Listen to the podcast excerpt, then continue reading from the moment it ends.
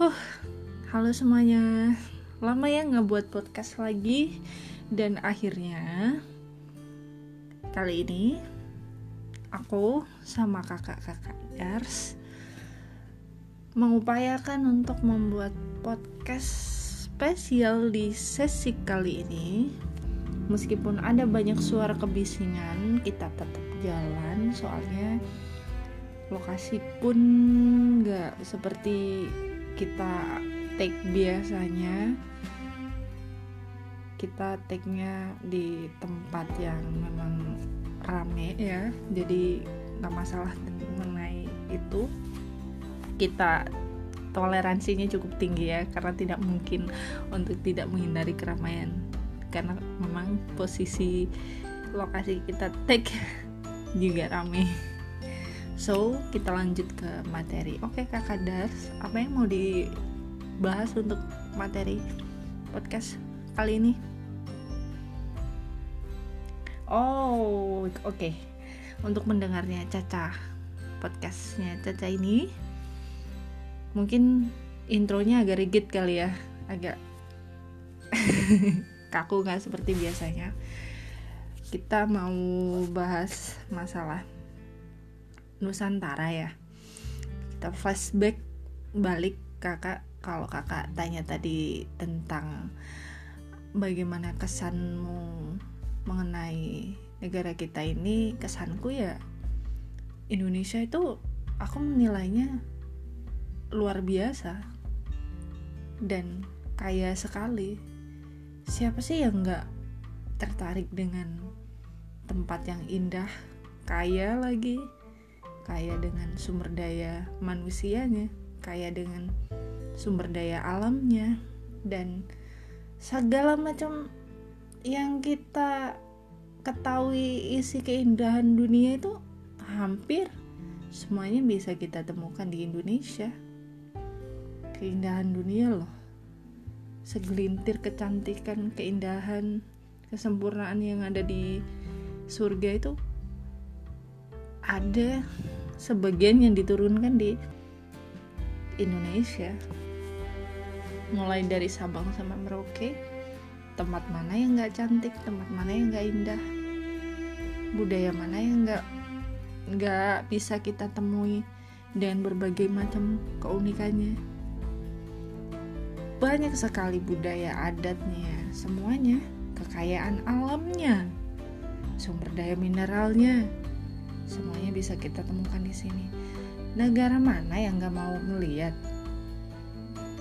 dari sejak zaman kerajaan dulu sampai invasi Mongol ke sini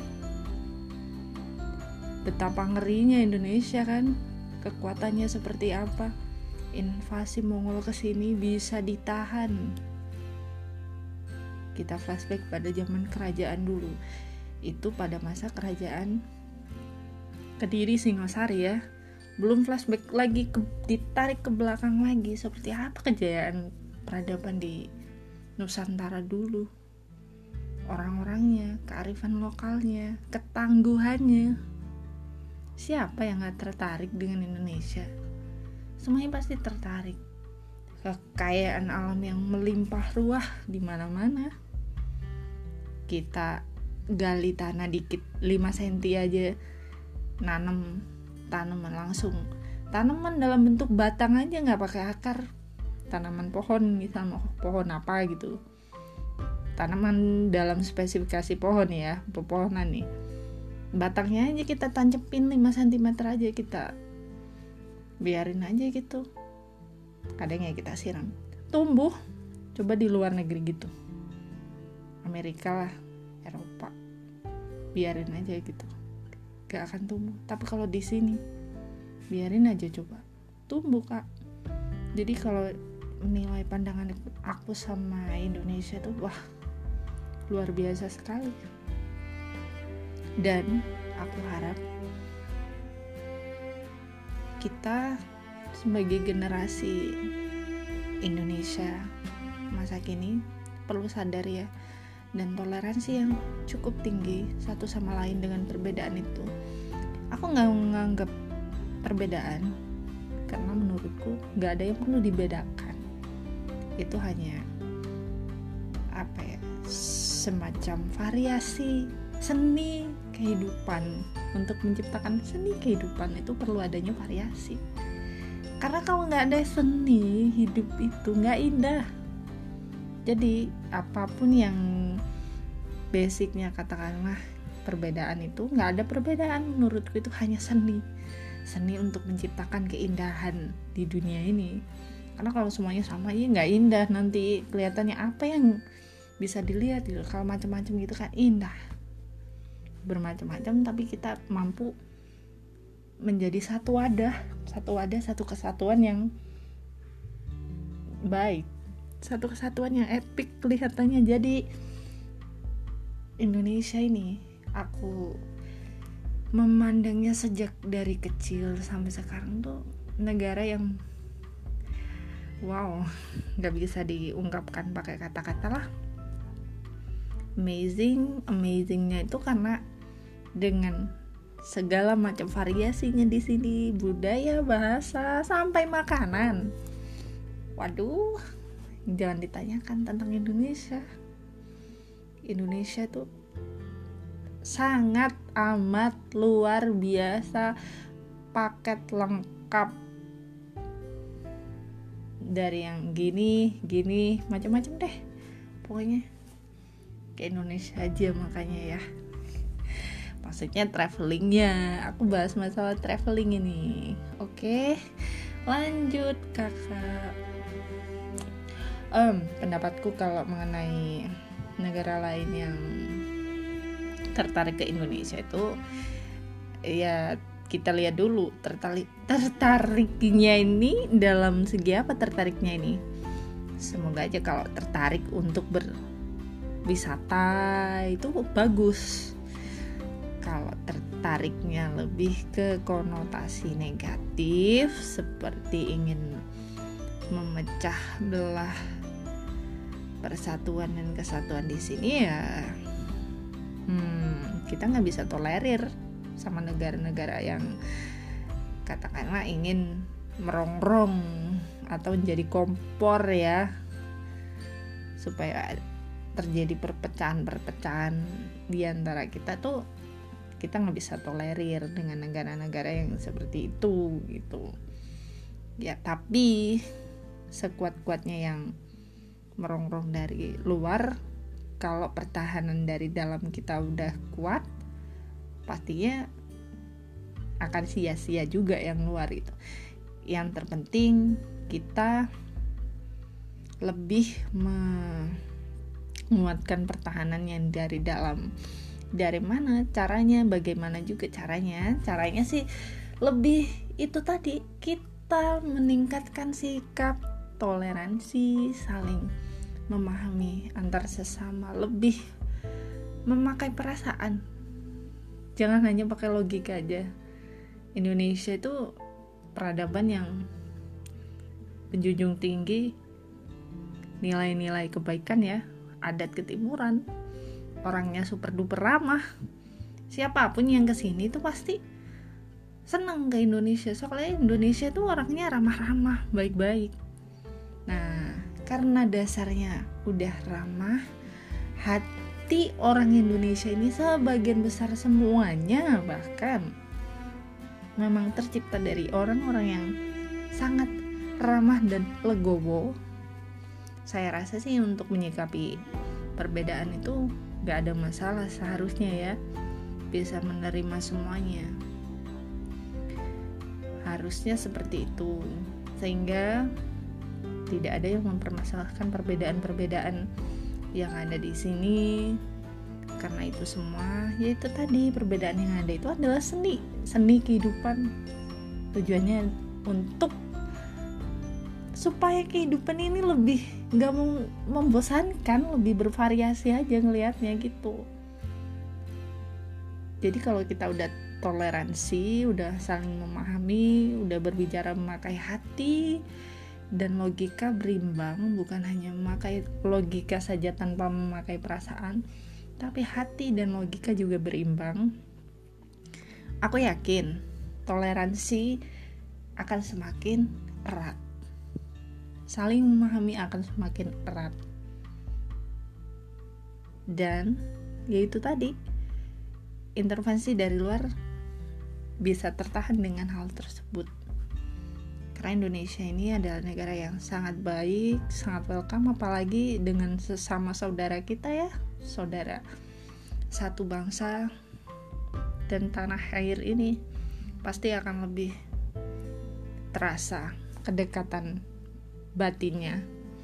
Meskipun kita berbicara dengan orang mana saja aku karena tinggal di Jawa tinggal di Pulau Jawa ke mana saja insya Allah yakin pasti akan bisa disambut dengan baik oleh saudara-saudara kita yang ada di mana pun di pelosok Nusantara ini. Karena memang dasarnya orang Indonesia tuh baik-baik. Aku nada ngomongnya keras tapi itu hanya sekedar nada bicara sekedar ketegasan karena flashback lagi kak. Kalau gini ya biasanya kan orang berbicara seperti aku berbicara ini sesuai dengan lingkungan juga. Maksudnya itu lingkungan notabene kan di sini tempatnya yang aku tinggali ini kan kita ini di daerah yang agak panas otomatis kalau ngomong agak ngotot. Karena pengaruh itu tadi lingkungan tadi.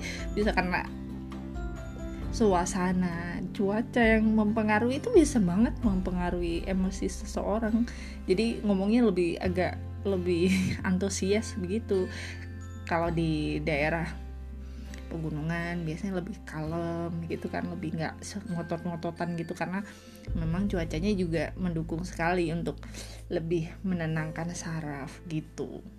Kalau di daerah panas kan lebih antusias karena memang kondisi lingkungan yang agak panas jadi semakin ningkatin emosi keantusiasan kita dalam berbicara jadi semakin apa nadanya bicara yang kita komunikasikan otomatis lebih tinggi seperti aku sekarang gitu karena pengaruh itu. Selebihnya untuk yang ke arah maksudnya lebih ke sifat sih tidak berpengaruh. Itu hanya gaya bicara dan retorika saja. Kalau untuk sifat orang Indonesia sih notabene sama. Dari Sabang sampai Merauke sifat Indonesia itu orangnya baik. Baik banget. Nolong nggak perlu kasih embel-embel apa dulu baru ditolong gitu nggak. Karena memang dasarnya baik. Baik. Dan kita bisa menemukan kebaikan-kebaikan yang tulus itu di Indonesia buktikan sendiri dari Sabang sampai Merauke nggak ada orang yang nggak bisa nolong kita nggak ada orang yang nggak mau nolong kita asalkan kita tanya kita baik sama orang lain pasti kita juga akan mendapatkan hal yang sama. Itulah Indonesia. Nah, sekedar kilas sedikit sekali kilas tentang Indonesia yang kakak tanyakan tadi. Oke, lanjut kakak. Uh, kalau menurutku ya, balik lagi sih, keadilan di sini memang cukup kompleks kalau ditanyakan tentang hal itu. Kita belajar lagi lah dulu sama zaman zaman oh nggak perlu bahas yang zaman pasca kemerdekaannya aku ambil di zaman kerajaan karena basic yang aku pelajari ini masih pada masa kerajaan. Kerajaan yang benar-benar aku pelajari sekarang itu ya pada masa kerajaan Majapahit ke belakang ya. Karena di situ yang aku baca dari berbagai macam sumber benar-benar menerapkan keadilan banget untuk semuanya. Semoga aja ada yang bisa baca ya baca di beberapa sumber pokoknya kalian cari-cari sendiri. Kerajaan-kerajaan jauh sebelum masa Majapahit di situ banyak kepemimpinan-kepemimpinan bagus sekali yang patut dicontoh. Kalau ingin peradaban Indonesia bisa sejaya pada masa itu. Seperti itu sih. Aku nggak perlu nggak perlu jelasin seperti apa. Soalnya banyak sumber udah yang ngejelasin tentang itu. Kalau tanya keadilan aku sih lebih hmm, pakemnya ke situ kak arahnya. Begitu. Hmm, apa lagi ya? Ini sekilas sekilas tentang sesi kali ini. Dua pertanyaan itu nanti akan kita perpanjang lagi di sesi berikutnya. Akan kita spesifikasikan lagi materi apa yang akan kita bahas ya. Soalnya masih banyak sekali ini. Ini masih intro. Udah sampai 17 menitan. Semoga yang ngedengerin bisa mencerna dan benar-benar direnungkan supaya ini bisa bermanfaat. Dan semoga yang kita dengerin ini bisa disalurkan lagi ke orang lain ilmunya biar nggak mandek sampai di sini. Sekian podcast intro aja ini ya. Nanti masih ada lanjutan sesi-sesi selanjutnya. Hanya sekedar gambaran umum dari yang akan kita bicarakan nanti Oke, semoga podcast nanti berjalan dengan baik. Sekian dan terima kasih semuanya yang udah dengerin. Bye bye.